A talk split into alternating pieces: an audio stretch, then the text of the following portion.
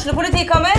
Ine Jansen er purk. Er du purk? The motherfucking bitch. Alt jeg vil, er å finne ut hva som skjedde med mannen min. Jon Carew. Er jeg sikta for noe? Iben Akeli. Det er du.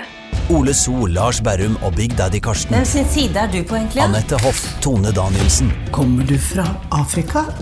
Jørnis Josef, Nesten. Kløfta. Trond Espen Seim, Det er synd å si det, men det var feil mann som døde. Purk. Premiere tirsdag på TV2 Play.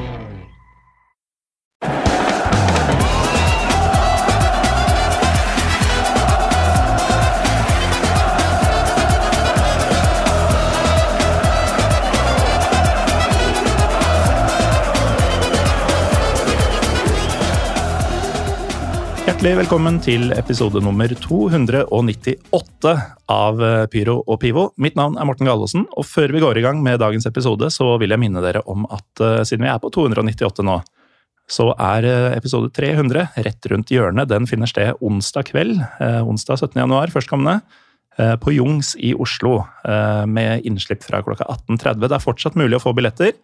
Håper å se dere der. Vi kan ikke garantere at episoden gis ut i sin helhet etterpå, fordi eh, en av gjestene er Josef Hadaoui, som skal eh, varme opp publikum, og som jeg håper å lure til eh, å bli med i samtalen vi har med en annen gjest, nemlig Dan Eggen.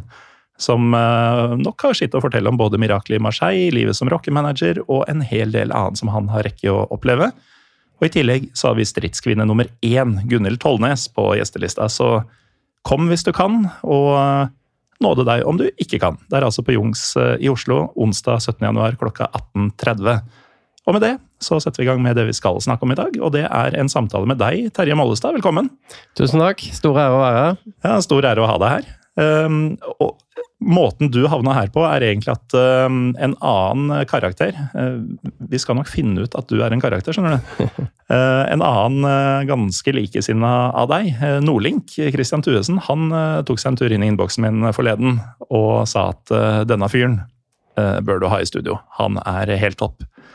Og så gikk jeg inn på Twitteren din og um, og kikka litt, og det er jo åpenbart at du og Nordlink har ting til felles. Du er glad i å gå på fotballkamp. Ja, det har blitt sånn eh, etter hvert. Jeg har jo alltid vært veldig glad i fotball, og så har det nok tatt litt av eh, de siste årene. Begynte jo eh, først og fremst bak i 2017. Jeg lagde meg en nettside som heter nordicstadiums.com. Mm. Og mange kjenner meg kanskje nesten bedre som det enn som Terje Molstad, som jeg faktisk heter. Og så reiste jeg rundt og tok litt bilder. Første tur var til Island. Jeg bestemte meg for å reise rundt hele Island og ta bilde av alle fotballbanene på Island. Og det er typ 100 pluss. Det er, uh, det er unormal oppførsel. Det er veldig rart. Jeg møtte noen folk der, de syntes jeg var klin gæren. Og det, det var jeg sikkert. Så da hadde jeg masse innhold til eh, nettsida å begynne med. Mm. Og um, til å begynne med, har jeg skjønt, uh, så var det heller bildene av stadionene enn selve kampopplevelsene som, som gjaldt for deg. Ja, det stemmer. Jeg var veldig opptatt av det å skulle eh, dokumentere all, alle banene. Og komplettere ligaen, og ikke fullt så mye kampene. Jeg fikk med meg faktisk et par kamper når jeg var der. Mm. Litt, eh, litt random, faktisk. Den ene dukka plutselig bare opp når Ja. når jeg var en plass. Du er der for å ta bilder av en uh, stadion, og så er det noen som har nervene, som man sier på engelsk, til å faktisk spille fotball der. Så, du, så er det faktisk eh, match der. Mhm. Eh, Så dro jeg hjem igjen, og så ble det noen, noen få kamper utover høsten. Endte vel på 20 stykker den høsten. Eh, Og derfor så, så har det egentlig bare tatt av. For året etter så var det 90, og så var det 100, og så har vi nærma oss eh, 200 og over 200 i fjor. Så Ja. ja, litt takeoff der. det, det, det har eskalert uh, kraftig. Men uh, altså, du er jo minst like mye fotballfan i utgangspunktet som du er uh, fotograf. Ja, absolutt. Altså, det er jo fotball som ligger hjertet nært. Eh, Oppvokst i Grimstad, og Jerv, Jerv er klubben i hjertet. og Vært både trener og dommer og spiller, og mm. nå supporter. Så Ja. alltid fulgt med på Tottenham og, og Jerv, da. Kan ikke være bare bare å holde med Jerv eh, for tida. Det, det har jo vært veldig mange fine år. Mm. Eh, vi er, var jo en litt sånn sovende eh, Jeg vil ikke kalle det storhet, men en klubb som fortjente å ligge litt høyere enn den eh, andre- og tredjedivisjonen vi lå i veldig veldig mange år. Mm. Eh, og så hadde vi, så hadde vi et par, par veldig gode år og rykka opp eh, to år på rad. Først til tredje, fra tredje til andre, og så fra andre til eh, første. Det var jo tilbake igjen i 20, var det 2014. Eh, og så plutselig så var vi i Obos-ligaen. og, og ingen trodde jo at vi skulle bli der. Uh, jeg var helt sikker på at vi skulle gå rett ned igjen. Jeg gleder meg til å få Brann hjemme og få med meg den. og Prøvde å få med meg litt matcher, og så, ja, og så ble det åtte år i Obos-ligaen før, vi, før vi tok enda et steg opp. Men eh, etter det, så Etter bonusåret i Eliteserien, så har det jo bare vært sorgen, dessverre. Ja, det er vel litt sånn eh, det greske sagnet om Ikaros som fløy litt nærme sola. eh, Brant av vingene og gikk rett i bakken. Ja, jeg tror nok det. Altså, Utfordringa vår var jo at vi var, vi var flinke til å få inn nye spillere. Mm. Eh, Vi var veldig gode på å rekruttere litt sånn uslepne diamanter og, og forme de. Vi hadde Brochmann og OI fikk jo sving på karrieren i Jerv. Og, Ja, dere gjorde spillere av han, dere. Ja. Så fikk en del, en del gode spillere som blomstra i klubben, og, og fikk, eh, det hjalp klubben til, å, til også å få rekruttere nytt. da. Mm. Eh, når vi kom til Eliteserien, så var vi ikke så gode på det, men det var faktisk veldig nærme at vi holdt oss. Vi rykka jo ned i nest siste serierunde. Mm. Eh, og før sesongen så var vi jo nesten glad bare vi tok noen poeng, og ikke, ikke fikk den dårligste statistikken noensinne der. Ja, det var jo litt sånn Norge så på dere òg. At dette er Det var jo før Kristelig forening for unge menn Oslo rykka opp, da. eh, Som kanskje er Ja. en, den største sånn jumbo-kandidaten i norsk fotballs historie. Men uh, dere ble snakka om som sånn Er det ett lag man ikke kan tape for i løpet av den sesongen, uh, 22-sesongen, så er det Jerv. Men uh, dere beit godt fra dere, da. Ja, altså Sesongen begynte jo med at eh, på første trening i januar så var det jo en syv-åtte spillere. altså De Mm. kunne ikke spille five-a-side omtrent. Og så var det jo raske sammen en gjeng, da. Eh, men eh, vi hadde jo en eh, veldig god trener i Sandstø som, som skal ha veldig mye av æren for at Jerv gjorde det så bra. Mm. Veldig god kontinuitet også på leder, både på trener- og ledersida. Og det kasta av seg, og det kulminerte jo da med, med opprykket i en fantastisk kamp som jeg var så på på Intility mot, mot Brann. Mm. Var heldig å være en av de få som fikk ikke se så mye, men uh, iallfall kose oss på tribunen. Men du har jo helt sikkert sett TV-bildene fra den kampen også. Eh, jeg så ingenting på skjermen. Jeg håper dere så litt mer eh, der. Ja, vi så faktisk en del av spillerne og spillet, Mm. men eh, jeg så aldri en Brann-supporter. Nei. Og det, det, var, det var veldig, veldig spesielt. Ja, for det var noen av dem der. De sto visstnok på kortsida, vi hørte de, men Mm. vi så de aldri, nei. Nei. Nei, men det var jo en helt, uh, sies det, da, uh, vanvittig fotballkamp som endte med at dere faktisk rykka opp til uh, Eliteserien. Hvor uh, surrealistisk var det for en uh, sindig Jerv-supporter? Nei, altså, For å være helt ærlig så hadde vi vært veldig nærme et par ganger tidligere. Eh, Det var jo tredje gangen vi var i den siste playoff-finalen. Mm. Eh, Første gang så tapte vi mot, eh, mot Start. Og den andre gangen så var vi ganske nærme mot Stabæk. Vant 1-0 hjemme, og så hadde vi 0-0 til det var 80 minutter spilt på Nadderud. Mm. Og så kom selvfølgelig en gammel kjenning og, og skårte på slutten. der, Så tapte vi 2-1 eh, sammenlagt. Så, så vi var nærme, men jeg var ganske sikker på etter at jeg dro hjem fra Nador at det, det var sjansen vi fikk. Ja. Nå, nå kom det aldri til å skje. Nei. Så det er klart, Før den brannkampen så var ikke jeg veldig optimist. Altså Brann var jo et veldig mye bedre lag. Det viste de jo veldig godt også året etter, Mm. når de cruiset gjennom Obos-ligaen. Og vi, ja, vi brukte jo opp all flaksen som går an å ha, tror jeg. Og pluss en fantastisk keeper eh, som redda noen straffer. Og, ja, så det Nei, det, det er og blir og kommer alltid til å være den beste kampen i mitt liv, tror jeg. Men uh, nå med altså, dette mageplasket med to strake nedrykk, um, er det For du sa jo det at man var jo vant til å være i andre og tredjedivisjon i mange år, og da man først var oppe i første, så trodde man at det også skulle vare ganske kort tid. Er det sånn at um, Tar man det greit at man er tilbake i andredivisjon, eller har man blitt så godt vant med å være i den såkalte toppfotballen at det, det svir like mye som jeg innbiller meg at det gjør? Ja, nei, det svir nok uh, like mye som, uh, som du kan tenke deg at det gjør. Uh, det å rykke ned fra Eliteserien, personlig så svei ikke det så veldig mye. Mm. Jeg syns ikke vi var gode nok. Vi gjorde ikke en god nok sesong. og vi, En ting er at ikke du tar nok poeng, men jeg syns ikke vi fortjente så veldig mye mer poeng enn de vi tok. Eh, vi slo jo faktisk Lillestrøm hjemme, vi slo Godset hjemme, vi slo Sandefjord et par ganger. altså Mm. Leverte gode prestasjoner, men vi var ganske heldige også i noen av de kampene. Så litt uheldige i noen andre kamper, men jeg følte vi fikk liksom det vi fortjente. og Spillerstallen presterte egentlig litt over det du kunne forvente av, av det materialet vi hadde å by på. da. Mm. Men så rykker du ned, og, Og beholder egentlig stammen, og de, de fleste mista et par nøkkelspillere, men fikk inn en bra portugiser, Jan Pedro, som har skåret mye mål. Ellers er det stort sett de samme som vi hadde i fjor. Mm. Og så, så, er det greit fram til sommeren, ligger på playoff, og så er det fullstendig katastrofe i høst. Mm. Det, vi vant ikke, omtrent ikke en kamp i høst, og, og deisa ned. og Det har vært ordentlig dårlig stemning i klubben. Ja.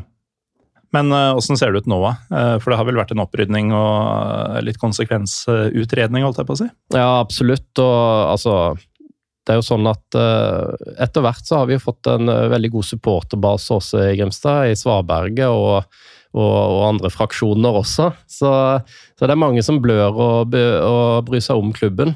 og som også tok affære og, og forlangte rett og slett at det må ryddes opp. da. Mm. Eh, fordi at eh, det var jo helt klart en, en splittelse i spillergruppa. Det, det, var spillere der som ikke fortjente å være der, ikke, ikke blødde nok for drakta. Mm. Eh, det har de fått rydda opp i nå. Og jeg sier jo ikke at alle de som har forsvunnet ut nå, absolutt var, var et av problemene, men noen av de var det. Ja. Uh, og det er klart at uh, Spillere som kommer utenfra, har kanskje ikke helt det samme hjertet. Det er mer en jobb enn uh, mm. en det er følelser. Og spesielt noen av de som var i Eliteserien. De ble vel det man kaller litt, litt fat and happy, tror jeg. Mm. Og så var det ikke så stas å spille i Obos-ligaen lenger. Og, Nei, ja. Nei det, det, blir kanskje sånn. Men du er også Tottenham-fan, sier du. Litt, litt hyggeligere, eller like frustrerende? Jeg tenker at det er like frustrerende, men, men vi er i hvert fall en, en, en bra klubb. Mm. Alltid vært Tottenham-fan og gode venner som alltid har vært. og Første kampen på et Adelaine bak i 97, derby mot Arsenal. og Hatt mange gode stunder der borte og kost meg mye med engelsk fotball. Så, men trofeene, de, de, de, de, tar vi jo aldri hjem. Nei. Så det, det er mye nesten med den klubben. Ja, det det er det tydelig. Uh, men uh, så langt så høres det ut som en ganske sånn normal norsk fotballfan. Har et lokalt lag du er veldig glad i, og et engelsk lag du er veldig glad i. Men så er det jo denne banehoppinga, da. Og da blir du med ett ganske unormal, Terje.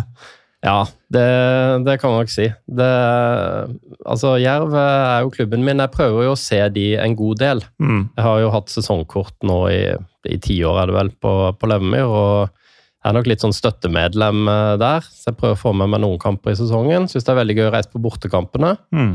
Der er det alltid god stemning på feltet, og uh, du kjenner jo alle som er der, ikke sant. Så, ja, det, så det, det, er stas. Og så er jo Tottenham som Der er vanlig nordmann. Følger mm. med på engelsk lag og har gode kompiser som holder med samme, og vi reiser dit og ser det en gang iblant og sånn. Men så er det denne banehoppinga, ja, det, det, har bare tatt helt av. Uh, jeg tror faktisk at jeg har tenkt litt på det, hvorfor, hvorfor det har blitt sånn, da. Og jeg, jeg, tror jeg fikk litt sånn Altså, jeg har jo alltid sett enormt mye fotball, mm. men det ble jo De fleste av kampene er jo fra sofaen. Ja. Eh, og så begynte jeg jo å gå litt ut og faktisk se på kamper live, og fant jo ut at det er jo mye gøyere, da. Ja, det er jo det. Så, og så har jeg også en sånn veldig fascinasjon for å reise, da. Mm. Så det å kunne kombinere de tingene når du etter hvert blir litt eldre, litt bedre økonomi, litt, uh, står litt friere sånn sett, så ja, så begynte jeg å reise litt, og så skjønner du at nei, men det her kan du gjøre mer av, og så mm. baller det bare på seg. Ja, altså jeg, jeg har jo hatt Marius Helgå her, eh, på en måte eh, den nordlandske versjonen av deg eh, noen ganger. Han er jo ganske Han har latt det ta av over flere år, han også. ja. um, og han snakker om denne samlemanien, at uh, det blir en del av det. At ja. man skal ha høye tall, statistikker for det meste og, og sånne ting. Uh, jeg er jo ikke helt der, men det at um, man kan kombinere det å se fotball med så veldig mye annet, mm. uh, som man jo gjør med reising, det er det som virkelig treffer meg. da. Eh, at um, en reise altså Jeg ser jo på din 2023-statistikk på appen som jeg fortsatt kaller Groundhopper. Yes. At du så fotball i 15 land i, i 2023. Um, og jeg vil jo tro at um, det var mer enn en fotballen som gjorde inntrykk på, i løpet av de 15 landene. Ja, absolutt. Altså, det er jo kulturen, det er, eh, det er maten, det er byene, arkitekturen. Mm. Eh, landskapet, naturen, ikke minst. Eh, det var en av grunnene til at jeg begynte med Nordic Stadiums nettsida mi også, er jo, er jo, det at jeg er jo veldig glad i å reise i Norden. Mm. Uh, reist mye i Norge. Jeg har vært i de fleste kommuner i, i Norge. Uh, og Før reist- sammenslåingene. Før sammenslåingene, ja.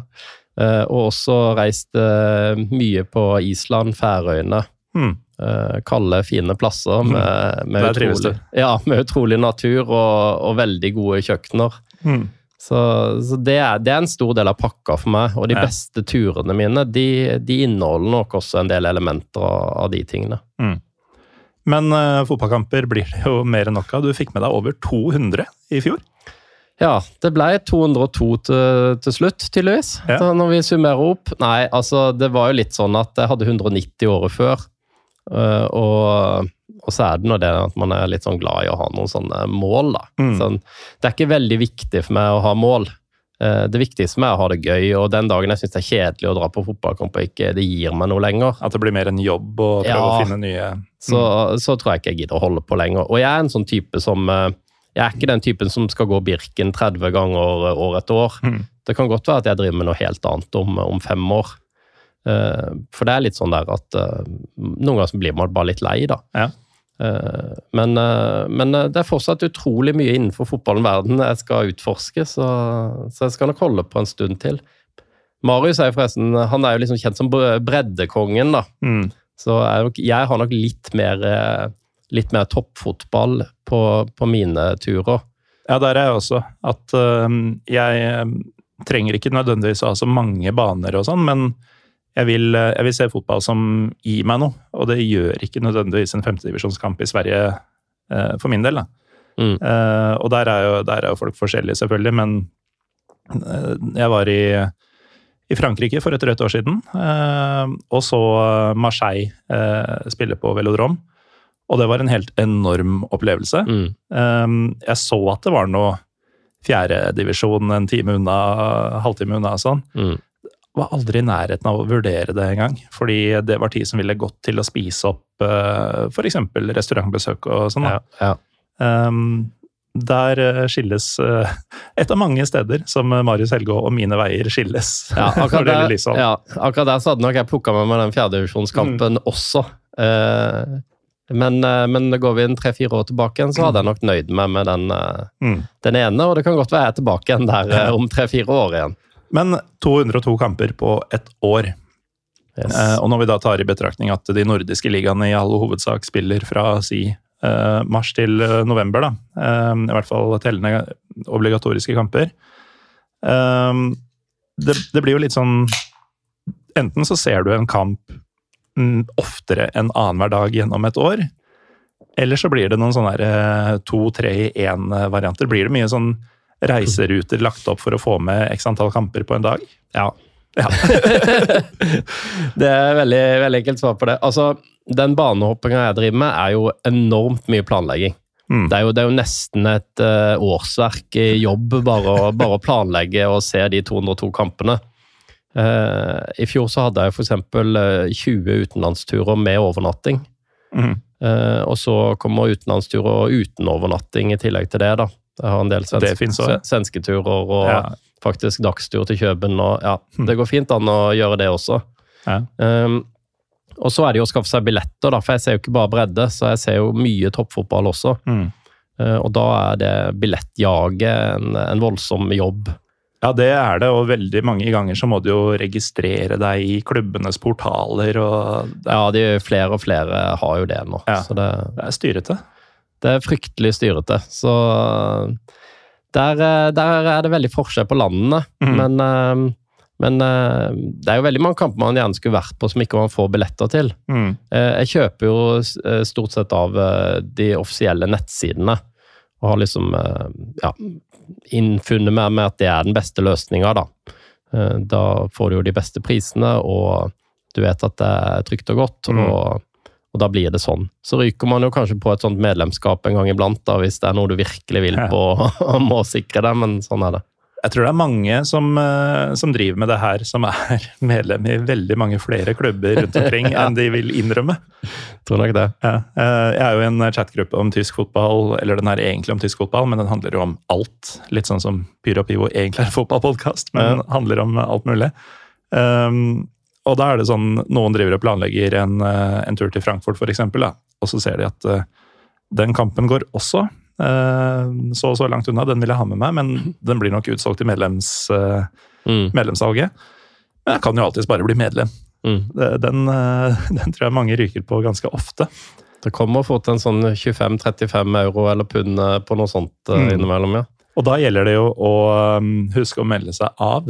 Ellers så blir jo det sånn plutselig i mars så får du, en, eh, får du et trekk på kontoen fra Preussen Münster, liksom. Ja. eh, Som du ikke hadde forutsett. Men eh, litt tilbake til det der med, med planlegging. Det er jo, Når man først reiser ofte langt, da, så vil man jo gjerne ha litt valuta for de turene. Og akkurat nå så, så handler det jo veldig mye om baner og nye baner og, Mm. og kamper, for min del. Eh, Så da er, man hele tida på jakt etter de doblene og triplene. ja. Så en sånn helgetur en eller annen plass, så må man alltid ha egentlig en dobbel på, på lørdagen. da. For at det skal være verdt det. Ja, det føler jeg. Så du reiser ikke en plass med å kjøre en singel på, Nei. på lørdagen. Jeg var jo på årets første tur nå i helga som var. Um, men den var veldig sånn kjapp. Vi dro lørdag morgen, eh, fløy til Milano, eh, og hjem igjen fra Milano mandag kveld. Eh, og da var planen at vi skulle på en breddekamp rett fra flyplassen. Um, Serie C, tror jeg. Ja. Men det viser seg at eh, den flyplassen vi landa på, var såpass usentral. eh, Malp Malpensa. Eh, hvis Ja. man flyr til Milano, så bruk Linate. Selv om flyet koster litt mer, så er det verdt det. Vi landa på Malpensa og fant ut at dersom vi skulle dra på den breddekampen, så ville vi for det første ikke rekke avspark. Mm. Eh, og for det andre så skulle vi på en Serie A-kamp i en helt annen del av landet på kvelden. Eh, og i mellomtida skulle vi helst komme til basen vår i Bologna og sjekke inn på, på Airbnb-en. Så um, vi fant ut at det ble litt eh, knapt og litt lite valuta for penga, så den dobbelen på lørdag den forsvant. Jeg var litt pådriver for det, skal jeg innrømme. Jeg veit ikke om reisefølget har tilgitt meg helt for det ennå. Men eh, da endte det med at vi i løpet av lørdag og søndag bare så én kamp hver dag. Men heldigvis var det nytt land for begge de to jeg reiste med eh, begge dagene. ja, for jeg fikk med dere San Marino også, Vi skjønte gjorde det, vet du. Er en liten perle, det, altså. Ja, eh, jeg hører det. Men været var helt grusomt eh, nå i helga, og spesielt på søndag i San Marino så bøtta det ned, og det var tåke. Ja. Og eh, det sies jo at det er utrolig vakkert og enorm utsikt, og du kan se langt inn i Italia fra deler av San Marino, men vi så ikke ti meter foran oss på noe tidspunkt, og var klissvåte og kalde hele tida. Men vi fikk uka i landet og stadion. Eller en bane, i hvert fall. Det så ut som jeg har sett, eh, sett noen bilder av den. Det, det var en bane iallfall, og det var noen spillere utpå der, så jeg. Mm. Jeg har vært, eh, jeg har vært en gang sjøl også. Var nede på, så på en landskamp der, faktisk. Ja. Det legendariske Titans-landslaget til San Marino. Mm. Det ble jo tap, selvfølgelig, som vanlig. Ja, det ble men, eh, men det er en opplevelse, og det, den er faktisk veldig fin, den der festningen som ligger, som ligger oppe i heia. da. Ja, Så den, den kan anbefales. Så Veldig fint på bilder, i hvert fall. Det, det fikk jeg med meg. Um, men eh, nå skal det ikke handle om eh, meg og mine turer, men eh, deg og dine. Og en ting jeg la merke til fra din 2023-statistikk, eh, Terje, det er jo at eh, 15 land på ett år, det er jo en hel del. ja, Men For det er jo bare tolv måneder i et kalenderår, så det er jo mer enn ett land i måneden i snitt. Og så er det jo selvfølgelig, spesielt i Europa, veldig lett å slå sammen flere land i store deler av kontinentet. Men Mm. Eh, jeg så også at eh, seks land var nye. ja og det, det var en stund siden. Mm. For det er mange, mange på ett år, syns jeg. Ja, det er mange. Eh, og spesielt nå har jeg, det hadde jeg jo 30 før året begynte. Så det er klart, det, blir jo vanskeligere og vanskeligere å ta disse landene. Mm. Man har jo liksom tatt de lavthengende fruktene én etter én. Så, så når man kommer opp på en sånn ålreit antall som det, så, så er det litt tøffere å ta hver, hver enkelt, da. Mm. Men uh, nå var det få i fjor, uh, så planen er få neste år. Vi skal sikkert prate litt om neste år etterpå, Ja. men uh, 2025 blir, da, blir det, da skal vi sette inn støtet. 25, ja. Da Ja. blir det land. Men eh, nei, altså det, det var mye tilfeldigheter egentlig akkurat at det ble så mange land i 23, da. Men, Mm. eh, men jeg begynte jo året med en eh, fantastisk tur til Eller begynte, dette her var vel sånn i april, da. Da Mm. hadde vi hatt en del turer allerede, men, eh, men da var jeg i Argentina og Uruguay. På liksom eh, det ultimate. Begge var nye. Eh, Begge var nye, hadde enorme forventninger. Aldri sett fotball utenfor Europa, faktisk. Nei. Og da starter du der, altså. Da kliner vi til med, med The Holy Grail i Mm. Buenos Aires. Jeg har egentlig tenkt på det i en del år. Så kom jo pandemien og ødela, ødela alt. Mm. Jeg hadde veldig store planer i, eh, i 20, i 2020, Ja. når, når det slo til. Eh, Så alt det ble jo, ble jo ødelagt. Men, eh, men da fikk jeg god tid til å planlegge mens, mens vi satt hjemme. Og fant ut at det beste for meg når jeg skal en sånn plass, det var å reise sammen med noen som, som kan det. Ja, ja. For å virkelig få utbytte av en sånn tur, da. Mm. Så da sjekka jeg litt rundt, og det er mange forskjellige selskaper og, og folk som driver med sånne turer. Mm. Men uh, da er det en som heter Nicolai Nilsen, som, uh, som er en uh, ja, ganske aktiv på Twitter og, og Instagram. Så egentlig der har jeg vært borti han egentlig som en vanlig, eller uvanlig, ban banehopper. med, med samme interesse som meg sjøl, og vært litt i kontakt med han og, og sånn der. Eh, og fikk plutselig med meg at han driver faktisk et eget selskap, da, som, som eller har sånne turer, da. Ok. Til uh, akkurat de landa, eller sånn Ja, generelt? litt, litt generelt, egentlig. Litt eh, Europa og litt sånn spesielt. Det er en god idé. Ja, så groundhoppingtours.com, en liten shout-out mm. til Nico og gutta der. Um, og han har jo et voldsomt kontaktnett også, bodd i Sør-Amerika i flere måneder. og Mm. Eh, Sør-Amerika handler jo veldig mye om kontakter. Ja. Eh, og spesielt Argentina, som, eh, som er et land som er veldig ute å kjøre. Ja, det er dysfunksjonelt. Ja, Og, og det er ikke sånn at det akkurat har blitt det. Altså, de, de arrangerte jo VM for snart 40, eller godt over 40 år siden, som et militærdiktatur. Og siden ble det jo altså, demokratisert, men har jo hatt x antall valutakriser og sånne ting, og nå er de i ferd med å gå enda mer på, ja, på felgen igjen. Eh, så du valgte jo riktig tid kanskje å dra, da. Eh, Ja, akkurat altså- når det står på som verst. Økonomisk sett så, så, er det, så er det ganske trist, eh, det som, det som skjer der nede. Valutaen, denne pesoen, er helt ute å kjøre. Mm. Eh, paradoksalt nok så dro jo vi nytt av det. Ja. Eh, Det, er, eh, det gir ordentlig bismak. Når Ja. man er, altså jeg har jo vært veldig mye i Tyrkia opp igjennom. Ja. Um, og hadde hatt en på å si, Tyrkia-pause delvis ufrivillig pga. covid, men også hadde prioritert litt annerledes i årene før. Så da jeg var tilbake der i 2022, uh, så var det fem år siden sist. Og da hadde jo denne inflasjonskrisa allerede vart en stund. Uh, Den var jo fortsatt, og nå har de rentekrise i tillegg. mm. Men uh, da husker jeg at um, selv om krona var svak, eh, og inflasjonen var høy og prisene for tyrkerne var veldig mye høyere, så hadde jo um, deres valuta gått ordentlig i bakken. Så Mm. for oss så var det jo billigere enn det hadde vært for meg tidligere, så, og da var det fortsatt billig. Mens uh, mine lokale venner, de sleit som, ja, som bare det. Uh, og merka at det var litt sånn uh, ubehagelig å være ute og bestille en ny runde sammen med dem og vite at uh, for oss er dette ingenting akkurat nå. Mm. For dere så er det et ordentlig offer. Men, eh, men uansett så kan man jo ha det hyggelig, da. Absolutt. Så, så trikset er jo å ha med seg hard, hard cash. Eh, ta med deg, Skal du nedover der, så er det euro, euro og dollar. Ta med de, veksle de når du er der nede. Da får du typ en eh, kurs som er to-tre ganger bedre enn hvis du, hvis du tar ut av minibank. da. Mm. Så, så da er du ganske velstående en eh, liten periode av livet ditt der nede. Men det er bra tips. Det, ja, det, og så kjøpe et eget SIM-kort til telefonen og sånn, Mm. også, også et bra tips der nede. Ja, For det koster omtrent ingenting, eh, vel. Ja, nettopp. Og um, er det én ting vi har blitt vant til uh, som hva skal vi si, vesteuropeere de siste årene, er jo å ha fri bruk av telefon, og spesielt nettet, Mm. uansett hvor du ferdes. Den har man jo ikke i Sør-Amerika, f.eks. Og um, når man først reiser et sted hvor det ikke er sånn i dag, så man merker det veldig fort hvor naken man blir. Ja, jeg var i eh, Andorra her Mm. på en tur. Fikk et nytt land der i, i august, for på så FC Andorra, som jo han eh, Piquet driver og styrer med. Ja. De har jo kommet opp i Segunda i Spania, og der, eh, de er jo ikke med på denne løsninga. Den det. europeiske mobilløsninga. Så der Ja. må man jo passe seg virkelig. Mm. Ikke man plutselig hiver på mobildata, for det, Ja. det ryker fort, de pengene der, altså. Ja, det gjør det. Det er helt sjuke priser også når man først kommer utafor den sonen. Eh, Men uansett, du er i eh, Argentina. Eh, Du har forberedt deg godt ved å snakke med Nikolai og har penger så det holder. Ja, ja, og han, han er jo selvfølgelig Han er faktisk også med på turen sjøl. Ja. Sammen med en seks-syv dansker. Mm. Og har jo kontakter inn i disse Barabravas-gjengene, da, Mhm. som, som styrer egentlig alle klubbene. Ja. Eh, for her er det ikke sånn at du kan gå på en nettside og bare booke en, en billett. Det, det var det ingen av de som hadde. Nei. Eh, Her skal du kjenne noen hvis du skal på de Mm. største matchene. Og skal du på, på andre matcher i toppdivisjonen, så skal du helst dra på et klubbkontor på formiddagen og, Mm. og cashe ut en billett.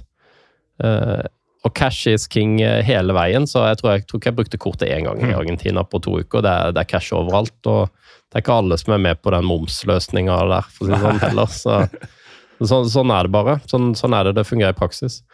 Uh, og på nivå to så, så, så kan du faktisk kjøpe billetter på stadion, da. Mm. Uh, så, men han hadde jo fiksa og hadde jo satt opp et helt vanvittig kampprogram, så der Ja, var det jeg- mye å glede seg til. Jeg vil tro at det ble noen doble i løpet av de dagene i, Argentina. Ja, vi fikk det, fikk til noe doble der også, ja. Så, Mm. Nei, så vi, vi, vi var jo innom egentlig alle, alle de store. Fikk med meg Bocca, spilte hjemme. Uh, Rivo hjemme. Studiantes, Estudiantes, uh, Avelena Darby, med Independiente mot Rasing. Og, ja, det, er liksom, det er liksom hele den bucketlisten omtrent du har, da, bortsett fra liksom Rivo, Bocca Darby, Derby, nesten. Så Mm. Avslutta opp i Rosario mot, eh, med Rosario mot, eh, mot Bocca, da. I et litt fattigere strøk i, eh, i Argentina. Merker Mm. veldig stor forskjell på det. Det gjør det. Ganske tøft og hardt miljø der oppe, og da, da, der pekte folk på det. Der var det gringo, gringo. og Mm. Der holdt du godt på lommeboka og passa på at du hadde kompisene dine rundt deg. Ja. Og et voldsomt trøkk på stadion. og da, da bare slapp de inn folk til det var igjen en time før kampstart, og så lukka de porten, og så hadde det ikke noe å si om du hadde noen billett eller noe da. Da var, det, da var det fullt. Men uh, nå ramser du bare opp uh, ja, bucketlist, som du sier, for, uh, for meg også. Mm. Um, jeg antar at, hvis jeg skulle gjette, da, og da holder jeg Rosario ute, at eh, det kuleste var eh, derbyet mellom Independente og Racing, etterfulgt av Boka, etterfulgt av River, av de du nevnte. Er det noenlunde riktig, eller? Ja, du er ikke så langt unna, iallfall. Nei. For uh, du treffer på nummer én der. Mm. Independiente mot Racing, og det, det var fantastisk.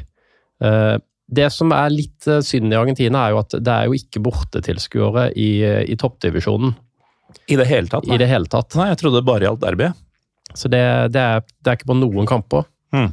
Eh, og det, det gir jo en litt sånn bismak eh, for oss som er vant til den dynamikken og det litt uh, trøkk og rivaliteten mellom de, da. Ja, og man merker det jo i Europa også, så er det jo blitt uh, uheldigvis stadig vanligere at bortefans ikke kommer på derbyer. Mm. Og det, det fjerner utrolig mye av gleden og brodden og uh, lidenskapen rundt det. Absolutt. Eh, samtidig så er det litt sånn, man, man venner seg litt til det der nede, da. Mm. For de har disse bare Barra Bravasene med trompeten og trommene, og holder, de holder liksom gående 90 pluss uh, hele veien uansett. Mm. Men en sånn kamp som Independiente Racing er jo, er jo helt, helt annerledes. Der er det jo det er 50 000 tilskuere, det er stinn brakke, og det er ikke én kortside som, som holder trøkket oppe. Det, det er hele stadion. Det er hele stadion står og hopper og rister og banker og synger og skriker, og eh, det er ingen vipp. Altså, du, du vet ikke hva som er hva, da. Nei. Nei, det, det er nydelig. Jeg var jo på, um, på Beograd-derbyet um, rett før jul. Og da hadde jeg pressepass og satt oppe i sånn det, det var ikke veldig forskjellige plasser fra, fra vanlige folk, men det var eh, en halvmeter høyere opp da, enn bakerste raden på langsida. Og så var det sånn at man hadde um, utendørs uh, sånn båsaktig greie med seter hvor du delte med andre journalister. Men det var ikke bare journalister der, eh, tror jeg. Fordi eh, oppe i de båsene så sto folk og hoppa og sang mot Røde Stjerne. Det var- var Partisan som var hjemmelag, da. Eh, Så der også var det veldig vanskelig å skille mellom hvem er egentlig hva her. Ja. Um, og, og det er jo sånn det skal være. Veldig langt fra Grimstad, vil jeg tro. Veldig langt fra Grimstad. Det er litt eh, roligere og gemyttligere på, på den tribunen jeg pleier å sitte på der, ja. Litt uh, mer gemyttlig på uh, Ugland Arena, eller hva det heter for noe, enn en Ja, på Derby er- i Argentina. Levermyr stadion. uh, kan koke der også, men det blir ikke helt det samme, nei. Nei. Eh, Men du sa jeg traff, eh, traff på førsteplassen. Var det bedre på River enn på Boka? Ja, for min del så var det det. Ja. Men, eh, men det var jo Man må jo også ta litt sånn kampen i betraktning, da. Ja, fordi jeg tenker at stadion Det er så stor forskjell på hvor unike de stadionene er, Mm. at jeg automatisk ville satt boka foran. Ja, og det, det hadde nok jeg også gjort på forhånd. Mm. Det er jo, den er jo legendarisk, La Bombonera. Eh, vi sto jo på, på toppen av den ene kortsida, og du, da har du utsikt utover hele Buenos Aires, egentlig. Mm. Hele havneområdet ligger jo, ligger jo syd i, i byen der. Og um, jeg hadde jo, hadde jo trodd at dette liksom er det beste ever, ikke sant? Men eh, eh, når man får det litt på avstand og tenker litt om det altså Bocca, dårlig sesong, de lå på nedre halvdel, lite å spille for. Mm. Eh, det var Copa Libertadores som betydde noe for de akkurat da, når vi var der. Mm. Eh, ligaen var ikke så farlig, fordi at uh, Copa Libertadores får de wildcard til uansett neste år. Så trenger ikke å kvalifisere seg der. Og, så, og sånn funker bare Sør-Amerika. Det er ikke liksom noe Copa Libertadores uten Bocca uansett. Så, så, sånn er det bare. Nei, Det lar det ikke skje. Nei, Nei de, de finner alltid en løsning på, på det. Mm. Eh, så, men selvfølgelig, altså Jævlig fett. La det ikke være noe tvil om det, liksom. Men, eh, men River var litt annerledes. Det var jo, det var jo Copa Libertadores. Oh, ja. Eh, og um, de vant 4-2, 80 000 tilskuere, og det, var, det rocka virkelig. Ja. Og, og River var gode når vi var der. De vant vel serien det året, og, eller i fjor, da. De Mm. leda iallfall når vi var der. Det, det høres jo ut som en ganske vellykka tur, eh, dette her. Men eh, i tillegg til Argentina så ble det Uruguay. Fikk med oss Uruguay også, så vi var over og så klassiske Penarol. Mm. Eh, spilte i Copa Sydamericana, som jo er litt sånn tilsvarende Europa League her hjemme, da. Nummer to-turneringer. Uh, og der var det litt det samme som Bocca. Hadde også veldig store forventninger der. Men, uh, men det er også en klubb med veldig store problemer. Veldig store finansielle problemer. Mm. Eh, hadde knapt eh, noen gode spillere, og, og sleit veldig med å holde på de også. Åssen kom dere over fra Buenos Aires? Var det med båten, eller? Ja, det var med båt. Så um, det går jo ulike båter. da. Du kan enten ta rett til Montevideo fra Buenos Aires, eller så Mm. kan du ta bare rett over og så buss i et par timer. da. Ja. Så vi, vi gikk for den eh, siste i god eh, banehopperånd, sparte Mm. vi litt penger og, og kjørte den.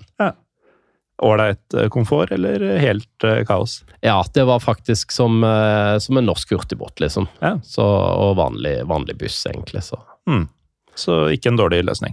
Nei, og Uruguay er jo et helt annet land. Mm. Det, der er det styr på ting, og de har økonomi, og der var det fram med kredittkortet igjen. Og, Ja, Man føltes uh, merkelig etter Var det to uker du sa du var i Argentina? Ja, til sammen så ble det vel en ti-elleve dager der. Mm. Og så et par dager i eh, Ja, vi Uruguay, var faktisk inne borti, borti Montevideo eh, midt i den turen. mm. Så vi dro tilbake igjen til Buenos Aires etter vi har vært der. Men eh, åpenbart eh, minner for livet, begge deler. Ja, det var jo en, eh, det var jo en bucketlist-tur, dette her med landet. Altså, jeg har jo alltid vært veldig fascinert av eh, disse sydamerikanske storklubbene. Mm. Eh, Og det å eh, i det hele tatt få se noen av de live var jo, var jo en drøm. Og jeg ante jo ikke før vi dro hvilke kamper vi kom til å få se. For de flyttes jo hele tida der nede, og det er jo voldsomt styr. Ja. Så at man da fikk med seg en sånn liste, var jo, var jo over all forventning. Så Den eh, metodiske planleggeren i deg ble ganske svett, kanskje? ja, det var jo heldigvis eh, han eh, Nico som ordna det meste her, da. Og så hadde vi jo noen, eh, noen dager der vi på en måte kunne hoppe litt rundt eh, som vi ville, og fikk med, så, med oss noen av de andre og sånn. Så Mm. eh, jeg er veldig glad for at ikke det var jeg som planla den turen. Det er iallfall blitt stressa. Mat og drikke der, var det som folk tror, mye biff og rødvin?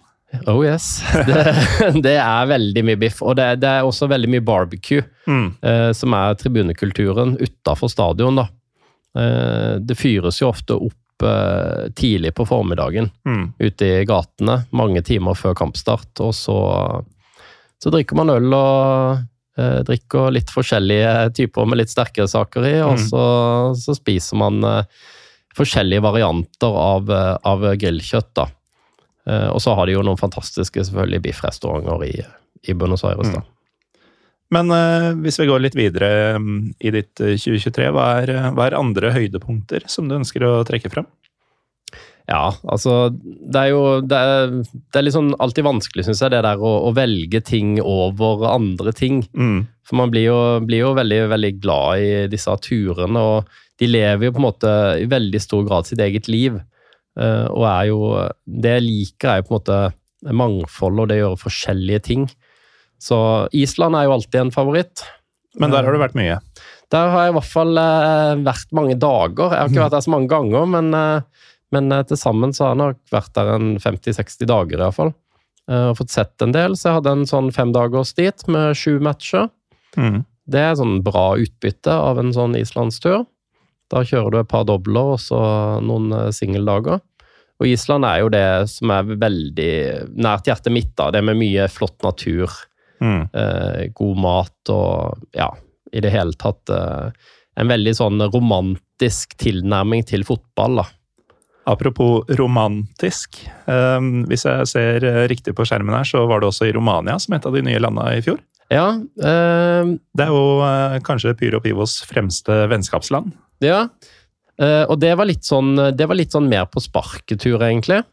Eh, man sitter jo og bruker veldig mye tid på det med å finne destinasjoner å reise til, til, en, eh, til en pris som man kan forsvare overfor seg, sjøl. Ja. Og da fant jeg ut at Wizz Air flyr jo til Bucuresti. Mm. Fra Torp, dessverre, da, men dog. Jo, men får du billetten for 700 i stedet for 3000, så er halvannen time på buss til 250 kroner greit. Nettopp. Og det var det som, eh, det var, det som var eh, tingen også. Det kosta vel 500 med flyet og 500 med flybussen. Så, så det, var, det var like dyrt å komme til og fra Torp som det var å komme til- til og fra Torp og Bucuresti. Men det er klart, da er det rimelig. Eh, torsdag til mandag var vel det. Mm. Eh, så det er greie dager også. Det er ikke helt sånn way off-dager. Eller var det til og med fredag til mandag? Jeg tror faktisk det var det. Eh, satt opp en fin trippel der nede. Mm. Eh, Det var jo, eh, dette her var jo seint på høsten, så det var ikke så mye bredde akkurat da. Så jeg skulle gjerne selvfølgelig dobla opp noe, men, mm. men det ble tre singler, ja. Eh, nedtur. Eh, man håper jo alltid å plusse på en, sånn, en liten sånn perle av en breddekamp, da. Mm. Og jeg hadde egentlig en på gaffelen, men den røyk. Så nei, jeg begynte rett nord for Bucuresti, da. I en, eh, en by som heter Ploesti, som ligger en eh, ja, ca. en time nord eh, med tog. Mm. Begynte der med, med en kamp på, på fredagen. Og så var det ned til Bucuresti på lørdag. Dro på en liten klubb som heter Voluntari. Også det i toppdivisjonen. Mm. Jeg tror det var 500 tilskuere på den kampen. Ja, liten klubb. Veldig fascinerende at de holder til i, den, eh, i den elitedivisjonen. Ja, de har vært der i årevis. Ja. Så, og der møtte jeg en tysker, selvfølgelig. Det gjør man. Eh, Der, der var det faktisk en kar som hadde en buss, en lokal en, som hadde en buss som han hadde en dobbeltdekker, som han hadde innreda med kjøkken i første etasje, og tappekran og tårn. Er dette tyskeren? Nei, det, det var en lokal en. Ja, for det hørtes ut som en tysk manns uh, aksjoner. Det kunne vært det også. Eh, og, så kunne du sitte oppe i andre etasje, da. Mm. Eh, men der møtte jeg jo han tyskeren, da, for han hadde jo selvfølgelig fått snusen i at her var det noe drikkevarer tilgjengelig. Eh, så ble jeg jo godt kjent med han, da. Vi tok noe øl der, og jeg spurte han, han som eide denne bussen, om han pleide liksom å kjøre rundt fra bane til bane og Mm. lage skjenk. da. Nei, men det gjorde han ikke, da. Den sto stort sett der, da. For han bodde borte i nabolaget, så Ja. Det var liksom greit å bare stikke dit etter jobb og sånn, og sette seg der hvis han var lei av kona og sånn. Ja. Så, så det, det, var, det var fint. Så nei da, så jeg møtte han tyskeren, vi så kamp, og så og så dro vi ut og spiste litt etter kampen, og Undervurdert eh, kjøkken i Romania. ja, veldig fint. Mm. Det, det er mange spennende ting, eh, og man skal alltid tørre å prøve litt, eh, litt lokale ting når man er på tur. Ja, det må man. Det, det syns jeg hører veldig med, da. Mm. Eh, Hva ble siste kampen i Romania? Siste kampen, det var, jo, det var jo hovedgrunnen til at jeg var der. Det var jo Dinamo Bucuresti mot, eh, mot eh, Stoja, Ah. som de ikke har lov til å kalle seg lenger. Men Nei. FCSB er det vel de, de heter nå. Ja, så har du et annet staua i divisjonen under. Ja. Og fortsatt ikke avgjort tror jeg, hvem av dem som får lov å hete det ene eller det andre. Men um, i hvert fall dette, det derbyet har jeg vært på. Eh, gikk det på nasjonalarenaen denne gangen også? For det blir ofte de store kampene i byen. Ja, Eh, det, det gjorde det. Og, og en av grunnene er jo også at Dynamo Bucuresti har egentlig ikke noe hjemmebane lenger. Mm. den, eh, den er ikke spillbar i toppdivisjonen. Den, den gamle, gode stadion de hadde. Og der skulle det faktisk gått en breddekamp, så det var jævla surt at jeg ikke fikk med meg. For det hadde vært stas å vært der. Ja. Men eh, nå spiller de faktisk på en sånn rugbystadion som ligger Ja, de, de er litt hjemløse akkurat nå, da. Mm. Så da var det på Nasjonalarenaen, som, eh, som faktisk er en arena, arena jeg skulle ha vært på eh, tilbake igjen i eh, covid-perioden, når EM skulle spilt, Ja, riktig. bli spilt rundt omkring. Mm. Da hadde jeg billetter til eh, en av de kampene der, da. Ja, litt sånn ufrivillig havna på den stadion flere ganger, jeg, nettopp på grunn av denne hjemløsheten til noen, og um, det at man for enkelhets skyld ofte flytter de store kampene i Bucuresti til eh, den banen. Så jeg tror jeg har vært der tre ganger. Eh, Ja. Blant annet to ganger på samme tur i løpet av to dager. Ja. ja litt sånn logistikkmessig så er den jo, er den jo mye bedre. Eh, selvfølgelig for politi og vakter og sånn, for det er jo litt mer struktur og litt mer orden på ting. Det er litt lettere å holde, holde disse fansa på avstand. og eh, og det er nok lurt også å gjøre, for det, det var jo litt, De er det var litt hatsk stemning uh, innpå der. altså. Det, du fikk jo litt sånn uh, Vålerenga-Lillestrøm-vibber uh, innimellom. Ja, Eh, Bare med litt Balkanblod i stedet for eh, Med litt ordentlig Balkanblod. Det, det er nok den kampen jeg har vært på noensinne med mest pyro og, og bangers og knallskudd, altså. For det, det gikk i ett. Men uh, vi må snakke litt om eh, planene for 24 også. Du sa det skal smelle skikkelig i 25. Eh, er det noe som skal skje om et år, eller er det Ja, hva er planene framover? Nei, altså så Snakker jeg meg opp her, eh, merker jeg. Men nei, det er vel egentlig det at jeg har funnet ut at i 2024 skal jeg se om det går an å se ordentlig mange fotballkamper. da. Ok. For nå, du så 202 fotballkamper i fjor. ja, det er for så Det, vidt det, riktig. det er ikke ordentlig mange. Det, det er mange, men uh, det er jo spennende å se om du klarer å se 300 da, på et år. Ok. Så det er liksom greia i 2024, da. Men uh, dette tok vi ikke i starten, men uh, du regner inn treningskamper og sånn, ikke sant? Ja, jeg Ellers gjør er det. det klin umulig. Jeg gjør det. Men, uh, men, sånn som, men jeg er ikke spesielt glad i de, Nei. så jeg ser ikke spesielt mange av de. Mm. Så sånn som i fjor, når jeg har sett 202 kamper, så er det nok en fem-seks av de treningskamper. Ok, men det er, eh, det er lavere enn veldig mange andre som Ja, har så- eh, lignende tall. Ja, så jeg reiser jo veldig mye eksternt, eh, altså til utlandet om vinteren, da. Mm. Men klart nå jeg skal, hvis jeg skal klare 300, så, så må jeg ha litt flere, da. Mm. Det blir for mange døddager fram til slutten av april, da. Men betyr det at du er godt i gang allerede, da, eller? Jeg begynte jo med et par kamper her på nyåret, da. Når jeg var i England eh, rundt nyttårsaften. Mm. Ellers så er det jo Jevnaker i morgen, da, mot Hallingdal. Ja, den har jeg hørt folk eh, snakke om. altså Når du sier i morgen, vi sitter her torsdag kveld. Yes. Eh, hva er så spesielt med den? Nei, det er jo første treningskampen som ligger inne i appen for, eh, Ah, for 2024. Og, og så er det også en del som mangler den banen, faktisk. ja. Eh, Fordi at eh, de har jo to baner oppe på, på Jevnaker, da, en gressbane og en kunstgressbane. og da, da er det kun den ene som har ligget inne, da. Og så Ja. Noen ganger så, så splitter de de, og da Mm. har du plutselig mulighet på en ny en. Så Ja. Marius, for eksempel, Helge, han, han mangler jo nå den kunstgressbanen, og får jo sjekka den i morgen, da. ja, den Ja, det Så skal han- jeg til å si. han er gira nå. han, han kommer til å være der. Ja, så jeg har eh, haika med han, eh, han opp i morgen. Så det, det blir hyggelig. Det, det er full bil der. Ja, Med likesinna folk. Ja. Det, Det er litt av en bil. ja, det blir, det blir noen eh, historier på veien opp da, tror jeg. Ja, vi tror det. Altså. Dere burde Så- jo egentlig hatt med opptaksutstyr. Ja, ikke sant? Bare tatt opp uh, samtalene på vei til og fra.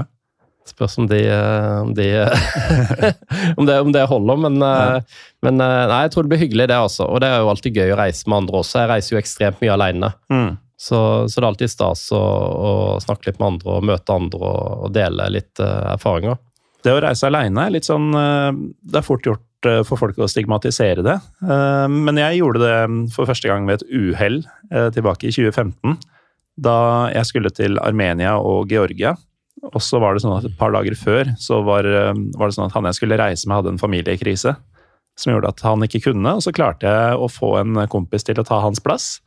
Men eh, dette var jo en god stund før, eh, før Russland ble ordentlig kjipe. Mm. Så vi skulle fly med Aeroflot.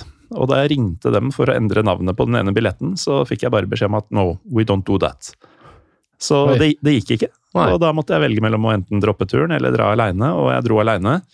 Eh, nå skal det sies at eh, den turen ga veldig mersmak for den type reising, Mm. eh, men jeg har skjønt etterpå at det var fordi stedet jeg dro til var såpass spesielt at eh, folk jeg møtte som også var på samme tur, var ganske spesielle.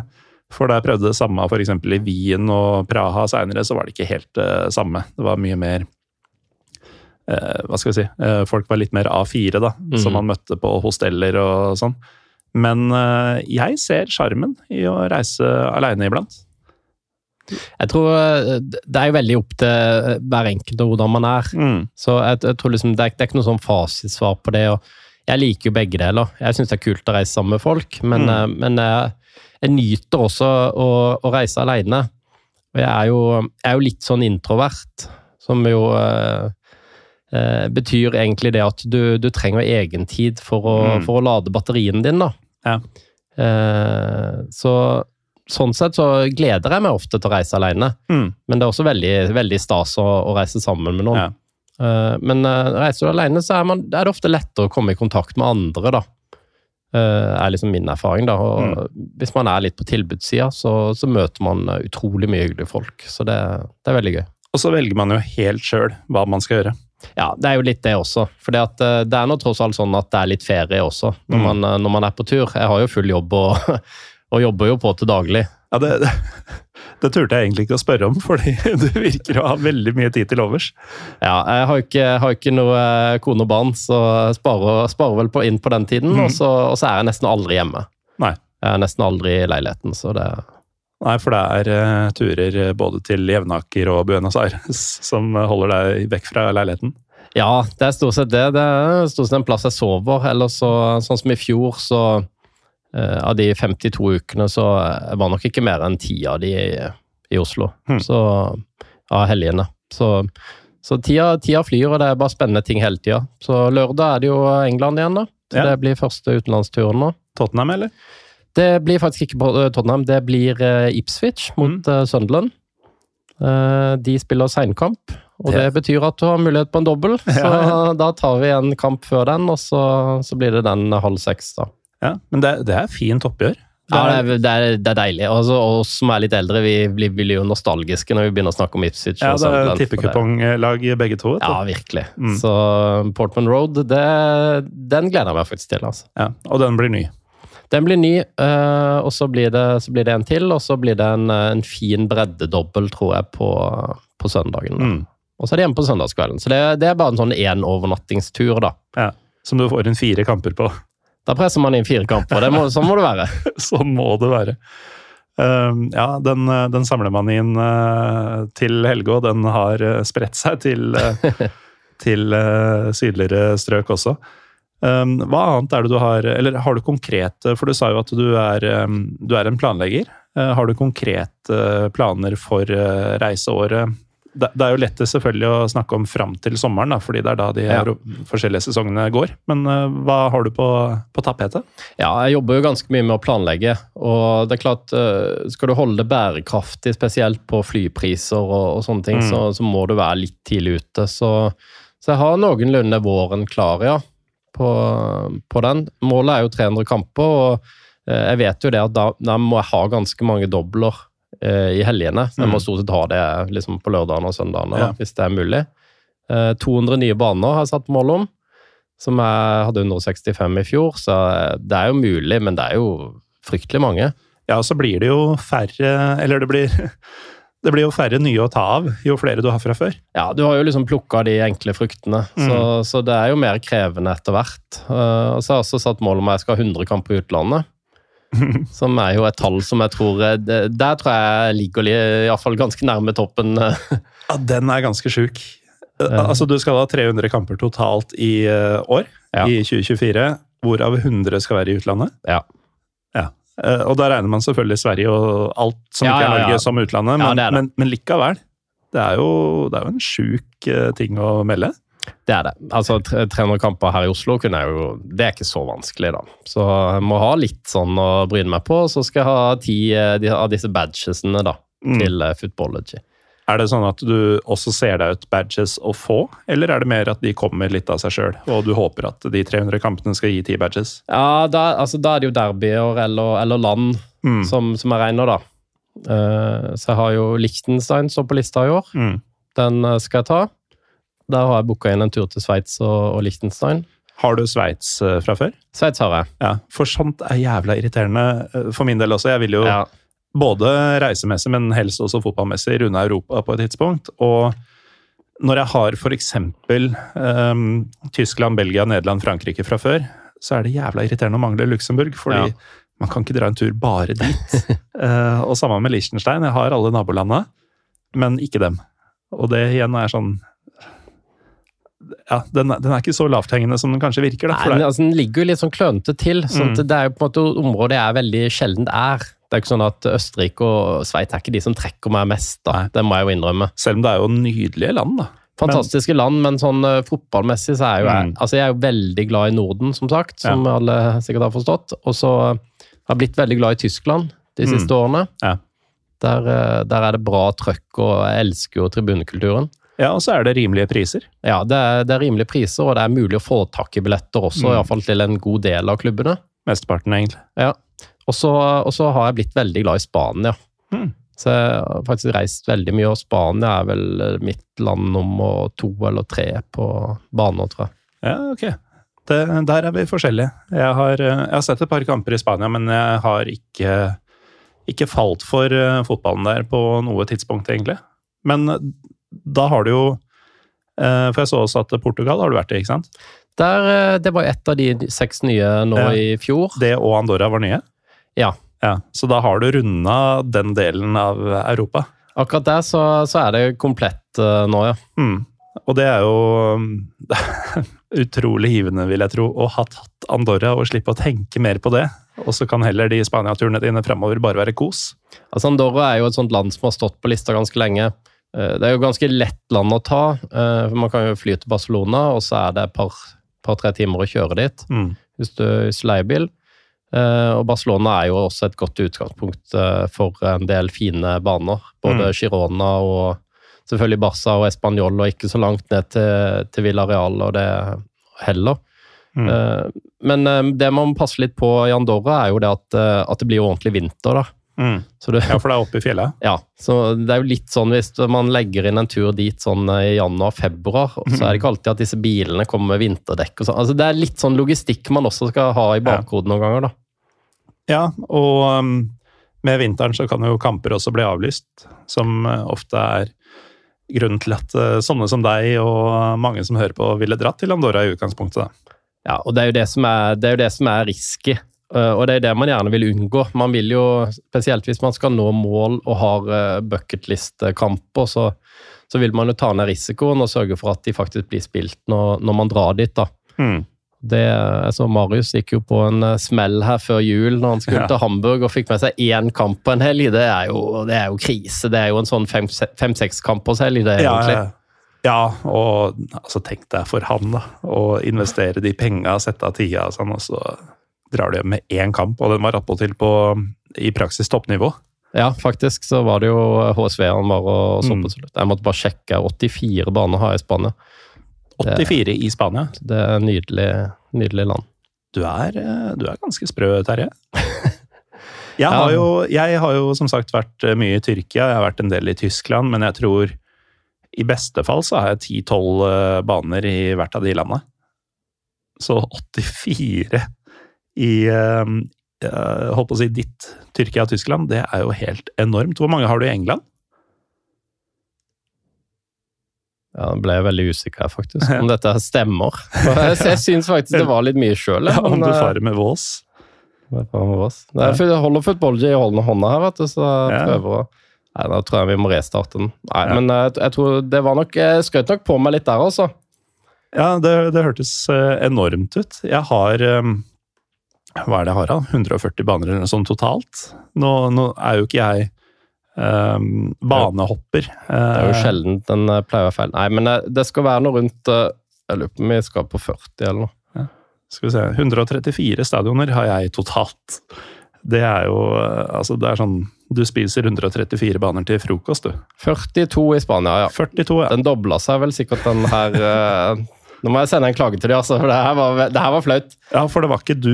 Det var, eh, det var appen som Jeg skylder på, skylder på utstyret. Ellers, så, ellers må jeg rette en stor takk til de som driver den appen. Altså, det, er, Mm. det er beste verktøyet jeg vet om. Ja, eh, 31 baner har jeg i Tyskland. Selv om de eh, selv, 12 har jeg i Tyskland. Det er mitt nest mest besøkte land eh, utenom Norge. Eller altså mest besøkte land. da. Eh, Tyrkia på åtte. Eh, og jeg er ganske stolt av de tallene. Så Men uh, det er voksent, det, da. ja, nå, nå er det litt sånn pity-taking her, merker jeg. Men um, det, det, er jo, det er jo solid for en eh, lekmann. Men på land så er du sterk. På land er jeg ganske sterk. Var det 34, tror jeg, som, Ja, det som tror jeg, tror jeg du ligger helt i norgestoppen. Ja, uh, det fant vi jo ut rett før sending her, at du, du var i en podkast i går Ja, faktisk. som heter Kald kaffe og handler om eh, banehopping. Eh, Mye mer enn det denne podkasten gjør. Eh, Hadde jeg visst at du var gjest der samme uka, så hadde jeg kanskje tima det litt annerledes, men jeg vil jo tro at samtalen vår er litt forskjellig fra den du hadde der, da. Ja, vi har toucha innom litt, grann, men Mm. den er ganske, ganske forskjellig. Der snakker vi mer konkret om ulike, ulike turer til forskjellige land. Ja. Så, Ja, ja fordi grunnen til at du var der, har jeg skjønt, er at de har en serie nå i vinter. Eh, hvor de snakker med folk som har vært og sett fotball i over 30 land. ja, stemmer. Eh, og der er både du og jeg i samme selskap. Der er vi. Vi fant Mm. ut eh, at jeg har 36, da. Du hadde vel eh, 34, ja. Og Jeg tror det var det.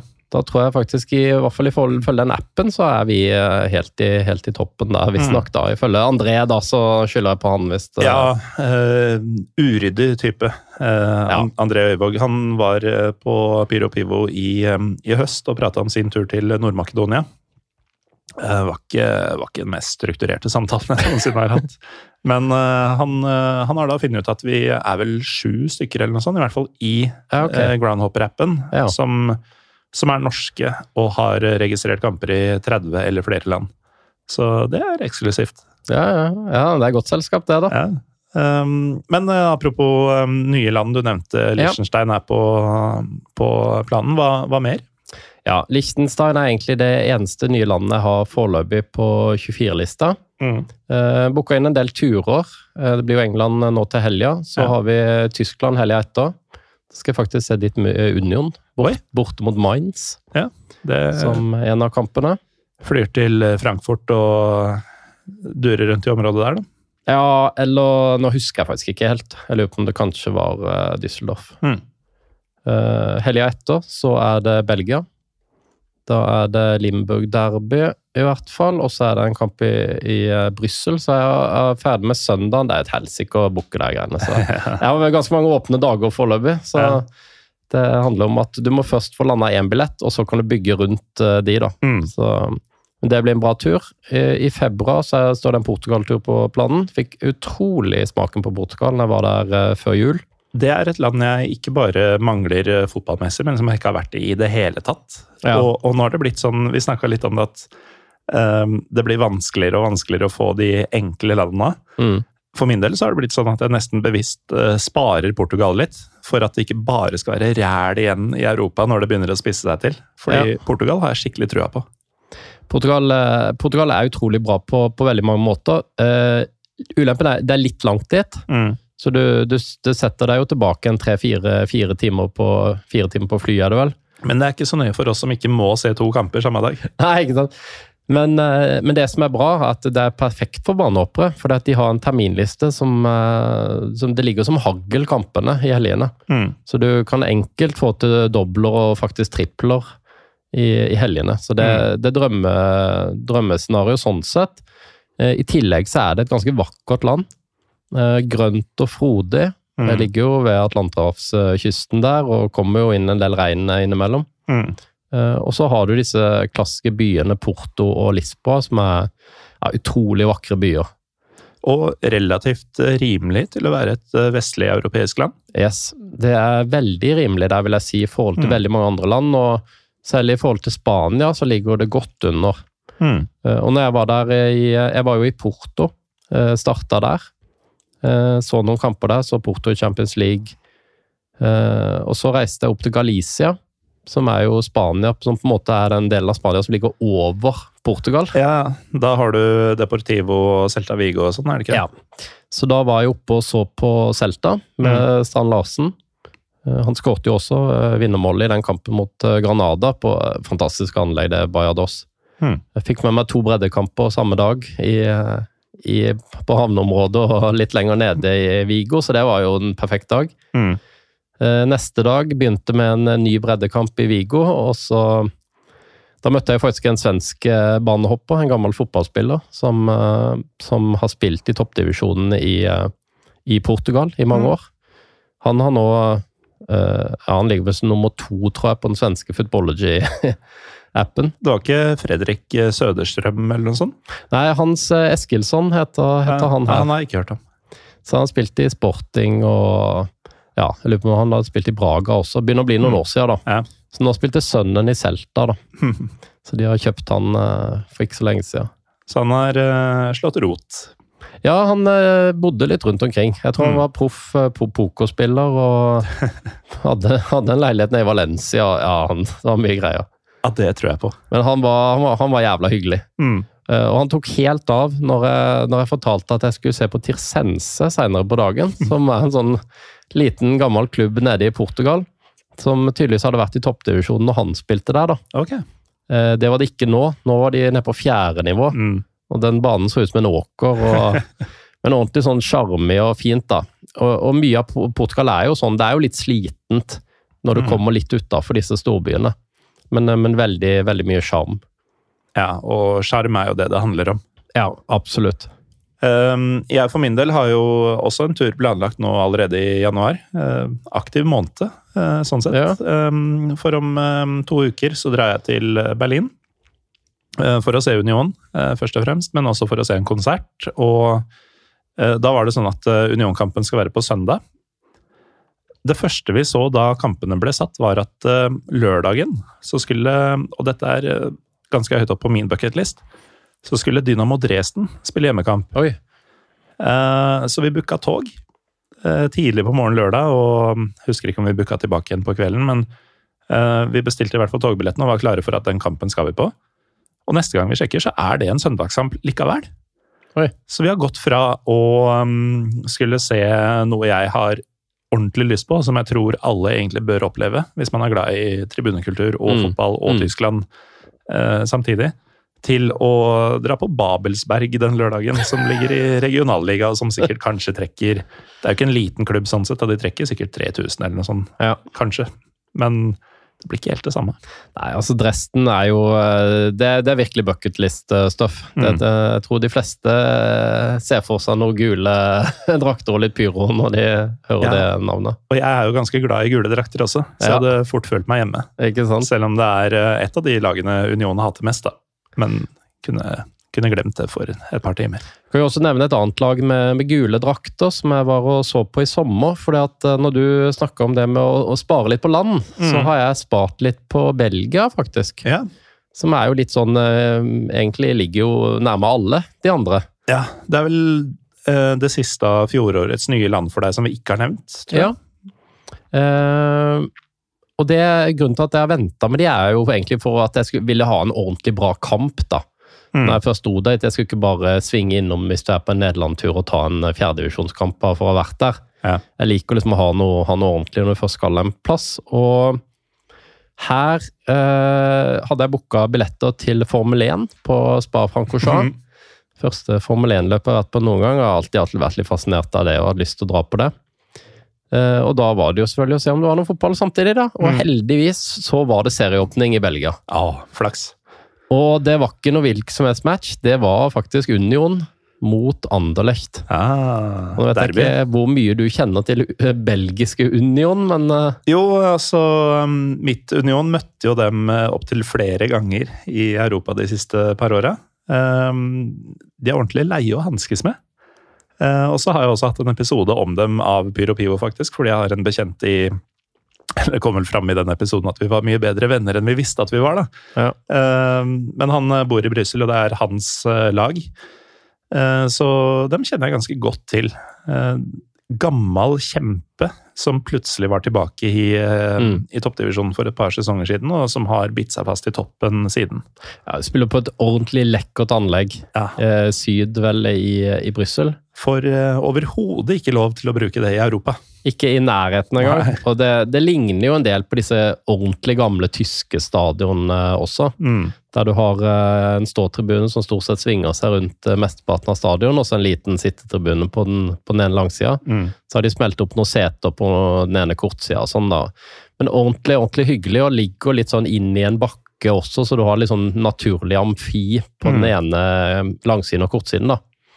Eh, Og jeg var heldig, det var strålende vær, og det var godt med øl i kiosken, og Mm. virkelig sånn deilig derbymatch, da. Det er nydelig. Og um, for de som vil høre mer om dette Union Saint-Gilloise, som det heter, så heter episoden, hvis jeg husker riktig, Det andre Union. eh, og ble spilt inn i fjor våres, eller noe sånt. Um, men det var en god opplevelse, vil jeg tro. Og et stadion som du ikke nødvendigvis får hvis du drar til Brussel selv for å se det laget. Fordi, som sagt, de, de får bare bruke det på, på kampene som er holdt på å si, små nok, da. Ja, for at når de f.eks. skal ut i den store verden i Europa, så, så må de til fienden eh, Anderlecht sin Mm. stadion og, og spille der. En annen ting som er verdt å nevne, er at det er egentlig ikke Anderlecht som er den historiske fienden deres. Det er Molenbeck Molenbeek, som eh, rykka opp eh, til denne sesongen. Så det er et derby litt under radaren for mange, som jeg tror er verdt å få med seg. Ja, og den tror jeg faktisk ligger inne som en eh, badge i, i appen også. Ja, så, Og det gjorde ikke faktisk Union mot Anderlecht når jeg var der. Nei. Men, men den har kommet inn nå, faktisk, ser jeg i etterkant. Så den er litt bitter på at ikke jeg har fått kreditert. ja. Um, nå er jo ikke eh, de to Hamar-gutta lenger unna enn at du kanskje kunne maila dem og fått den godkjent. men, uh, men likevel, det, det må svi, fordi du sa jo at du skal ha Hvor mange badges var det i år? Ti? Prøver på ti år, Mm. så foreløpig så har jeg vel en to-tre på lista, så vi må finne noen flere i løpet av Mm. året. Hva er de to-tre? Tar du det? Nei, det blir jo Münster eh, Såkalte Westfalen-derbyet, da. Mm. Mellom Münster Preussen Münster, er det det heter? Ja. Og Aminia Bielefeld. Ja, ok. Uh, Aminia Bielefeld for, for øvrig en veldig flott klubb, Mm. som jeg var så eh, her i fjor vår. Spiller hjemme. Mm. Fikk med meg både de og Bochum, som er litt sånn like baner og veldig, veldig fine klubber, syns jeg. Mm. For de som hører på Dritte Outside, så er jo Bochum eh, en klubb eh, man har et forhold til. Eh, Det var også det første laget jeg så i Tyskland. Um, Det, var, det begynner å bli en stund siden, fordi um, da de rykka opp for et par sesonger siden, så hadde de ikke vært i Bundesliga siden 2010. Eh, Og det var da jeg så dem, på min første tysklandstur. Mot eh, Bayer Leverkusen, hvor en ung Tony Kroos var på utlån fra Bayern München. Så det, da, da hadde jeg vel hår på huet også, tror jeg. Det, det var sjuke tider. Det er noen år siden. Ja, det er noen år siden. Um, det begynner nesten å bli noen år siden vi begynte også, Terje, så vi må begynne å runde av. Men er det noen flere enten høydepunkter fra i fjor eller uh, grandiose planer for 2024 som du brenner inne med før vi gir oss? Jeg tror folk begynner å bli lei av å høre om planene mine, men eh, Nei, jeg kan jo nevne sånn som eh, Var jo heldig og fikk med meg også PSV mot Ajax i fjor. Og den er pen. Som er jo en eh, sånn eh, klassisk bucketlist-match. Mm. Eh, var vel litt sånn så der, syns jeg. I Eindhoven. Ja, i Eindhoven. Ja, for jeg var også på PSV, riktignok mot et uh, intetsigende lag i, i påsken i fjor, og uh, det var jo null stemning der. Jeg vil jo tro at den er bedre mot, uh, Ja. mot Ajax, men det var, det, det var ikke det mest elektriske stedet jeg har vært. Nei, og det, det, altså, det er jo ikke verdens største plass heller. Mm. Det er jo, eh, det er jo bedriftsidrettslaget til, eh, til Philips eh, vi snakker om her. Mhm. Eh, en, eh, for øvrig en utrolig flott stadion, syns jeg.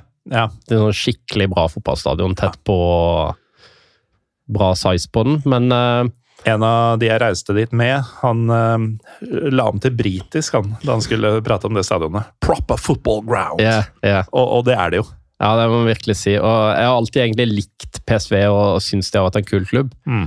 Um, så er litt skuffa egentlig over at de kjørte de her eh, flammekasterne som de hadde Ja. trilla ut på banen. Og, Lysshow og flammekastere Ja, og og drithøy musikk. ja, ja, det var jo uh, tekno, uh, som Mm. det ofte er i Nederland. Ja.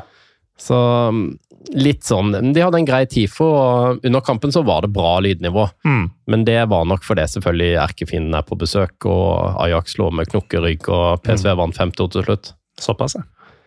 Da blir det jo gøy likevel. Det blir gøy, men, eh, men de, lå under, de lå under til pause, og da var det kraftig pipekonsert når spillerne gikk til pause. Ja, Kanskje det er Nederlands eh, vikingsupportere? De er uh, godt vant mm. og har høye standarder der. Men uh, med det, Terje, så tror jeg vi må runde av. Tusen takk for at du var med. Tusen takk, det var veldig hyggelig å være her. Og for de som vil ha mer av din eh, både planlegging og dokumentering, eller dokumentasjon, eller hva man kaller det, så er det nordicstadiums.com som er nettsida di. NordicStadiums.com, der kan du i hvert fall se en del om eh, baner og diverse i Norden. Og så er det hyggelig hvis folk tar en titt på, på TikTok og YouTube og Twitter og Instagram og diverse plasser der Nordic Stadiums er. Så Ja, kommer det det mye greier. Det er Nordic Stadiums overalt. Det er Nordic Stadiums overalt, og så heter jeg Terje Molstad, faktisk. Utrolig nok. Eh, Det gjør du. Eh, Det tror jeg vi husker å etablere tidlig i episoden. Hvis ikke så tar jeg selvkritikk. Eh, Uansett, Terje, tusen takk for at du, du var med. Og eh, tusen takk til dere som hører på. Husk at eh, vi har et liveshow om bare noen få dager på Jungs i Oslo. Eh, Onsdag 17. klokka 18.30. Det blir meg, det blir Gunhild Tollnes, det blir Josef Hadaoui og det blir Dan Eggen. Eh, alt tyder også på at det blir T-skjortesalg for første gang i Pyro Pivos historie. Det er faen meg på tide! Eh, takk for følget for denne gang. Mitt navn er Morten Gallaasen. Vi er Pyro Pivopod på Twitter og Instagram. Og vi høres eh, forhåpentligvis på onsdag, men eh, også før det.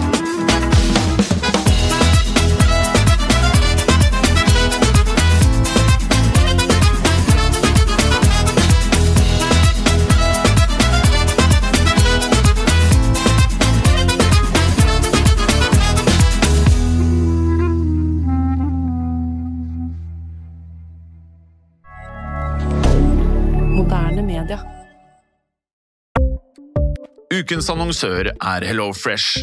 HelloFresh er verdens ledende matkasseleverandør og kan være redningen i en travel hverdag. Mange av oss har nok vandret i butikken både sultne og uten en plan for middagen, som ender med at vi går for de samme kjedelige rettene gang på gang. Middag burde være dagens høydepunkt. Som HelloFresh kan du nå velge mellom 25 ulike retter hver eneste uke, eller få HelloFresh til å sette sammen menyen for deg. Dette gir deg muligheten til å prøve nye og spennende retter alene eller sammen med familien. Du velger antall porsjoner og får alt levert på døren på et tidspunkt som passer for deg. Oppskriftene er enkle, og maten er lett å lage både for store og for små. Ved å få alt levert hjem får du også mer tid til å dele matgleden med familie og venner. Kanskje det frister med asiatiske tacos eller greskinspirert kylling? Da kan jeg anbefale deg om å gå inn på hellofresh.no. Her kan du bruke koden FOTBALL og få opptil 1779 kroner i rabatt på de første fem matkastene hvis du ikke har prøvd HelloFresh tidligere. Du kan også bruke rabatten hvis du har vært kunde og stoppet abonnementet ditt for tolv måneder siden eller lengre. Gå inn på hellofresh.no og bruk koden FOTBALL. Har du et enkeltpersonforetak eller en liten bedrift? Da er du sikkert lei av å høre meg snakke om hvor enkelt det er med kvitteringer og bilag i fiken, så vi eh, gir oss her, vi. Fordi vi liker enkelt. Fiken superenkelt regnskap.